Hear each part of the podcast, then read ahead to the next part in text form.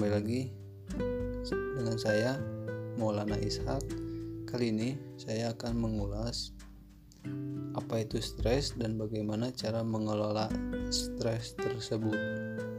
Banyak yang menganggap jika stres itu sesuatu yang buruk bagi manusia atau bermakna negatif bagi manusia, padahal nggak seperti itu nggak semua bentuk stres mempunyai sisi buruk. Ada juga sisi yang baiknya juga. Contohnya membuat kita lebih dewasa dalam menghadapi suatu masalah contohnya. Oke langsung ke pembahasan.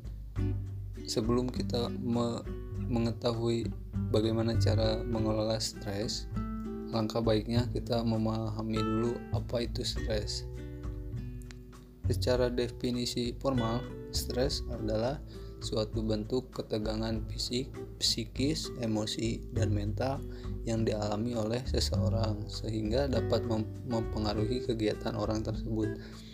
Dari sisi psikologis, pengertian stres disebut juga sebagai suatu gangguan mental yang terjadi pada seorang akibat adanya tekanan, baik itu tekanan dari luar maupun dari dalam dirinya sendiri. Jadi, sederhananya, stres adalah suatu kondisi atau keadaan dari luar yang menuntut respon baik fisik maupun psikologis dari seseorang. Jadi, stres itu sendiri bukanlah sebuah gangguan kejiwaan, Stres merupakan sesuatu yang normal terjadi pada setiap manusia baik itu dewasa maupun anak-anak. Lalu apa sih faktor dari stres? Apa sih faktor yang membuat diri kita menjadi stres? Banyak faktor yang membuat kita bisa menjadi stres. Baik itu dari dalam diri sendiri maupun dari lingkungan.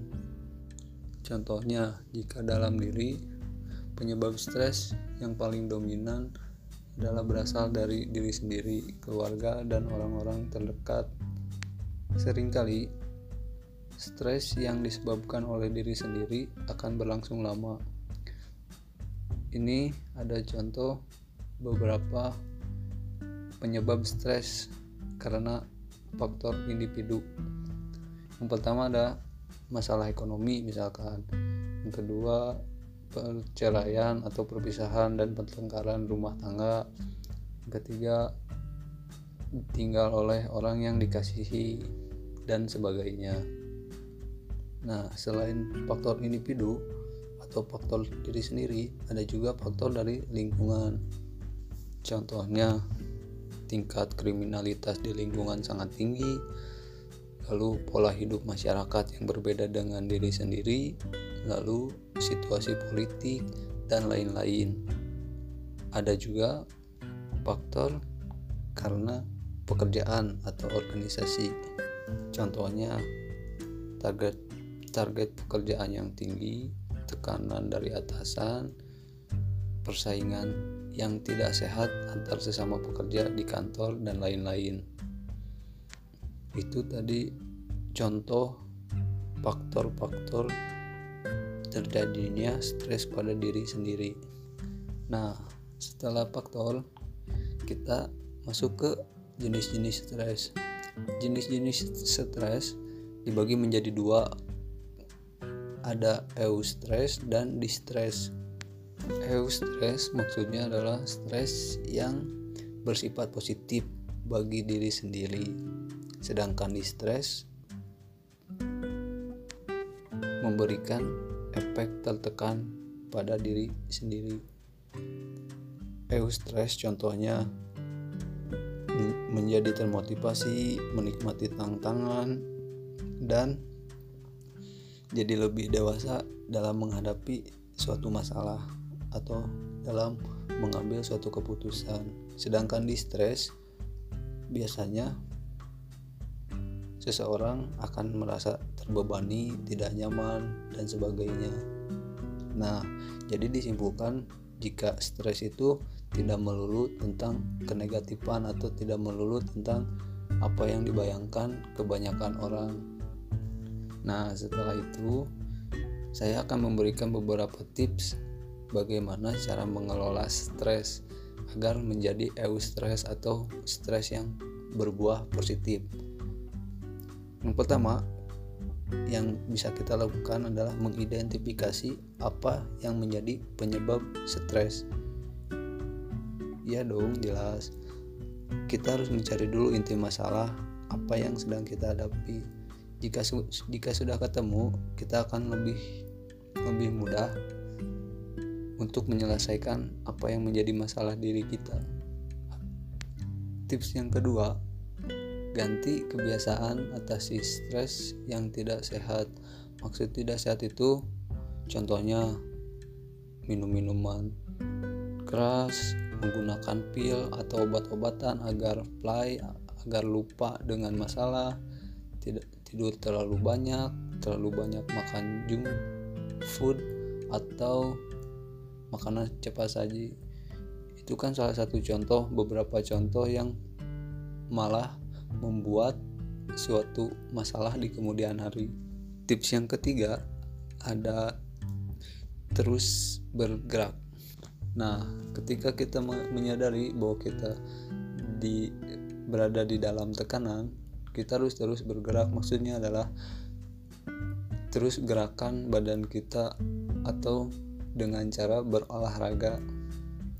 Karena menurut penelitian juga berolahraga bukan hanya menyehatkan bagi badan tapi juga menyehatkan bagi pikiran. Cukup berolahraga 30 menit sehari itu bisa membuat pikiran kita menjadi lebih tenang. Lalu tips yang keempat bersosialisasi dengan orang lain. Maksudnya adalah keterlibatan sosial adalah cara tercepat dan paling efisien untuk mengendalikan stres. Saat kita berinteraksi dengan orang lain, otak akan melepaskan hormon yang dapat menenangkan pikiran dan menurunkan kadar stres yang dirasakan. Salah satu cara yang bisa dilakukan adalah membantu orang lain yang sedang membutuhkan bantuan. Tips yang kelima, menerapkan 4A. Avoid, alter, adaptasi, dan accept. Avoid adalah menghindari penyebab stres yang bisa dihindari. Alter mengubah respon terhadap penyebab stres. Adaptasi beradaptasi dengan penyebab stres dan accept menerima hal yang tidak bisa dirubah. Tips ke-6 menyediakan waktu untuk bersantai. Sama seperti olahraga, dengan menghabiskan waktu untuk bersenang-senang kita bisa mengalihkan stres yang kita rasakan tapi jangan sampai lari dari masalah juga ya. Tips yang terakhir gaya hidup yang sehat. Cara lain yang bisa kita lakukan adalah dengan memulai gaya hidup sehat. Salah satu caranya adalah dengan rutin ber berolahraga dan menghindari alkohol. Dengan begitu hidup kita akan terasa lebih tenang dari biasanya. Nah, itu tadi pembahasan tentang stres dan bagaimana cara mengelolanya. Jika teman-teman dirasa tidak dapat menemukan jalan atau cara untuk menyelesaikan masalah, sebaiknya saya sarankan untuk mendatangi seorang profesional atau psikolog agar mendapat bantuan. Nah, begitu. Oke, terima kasih.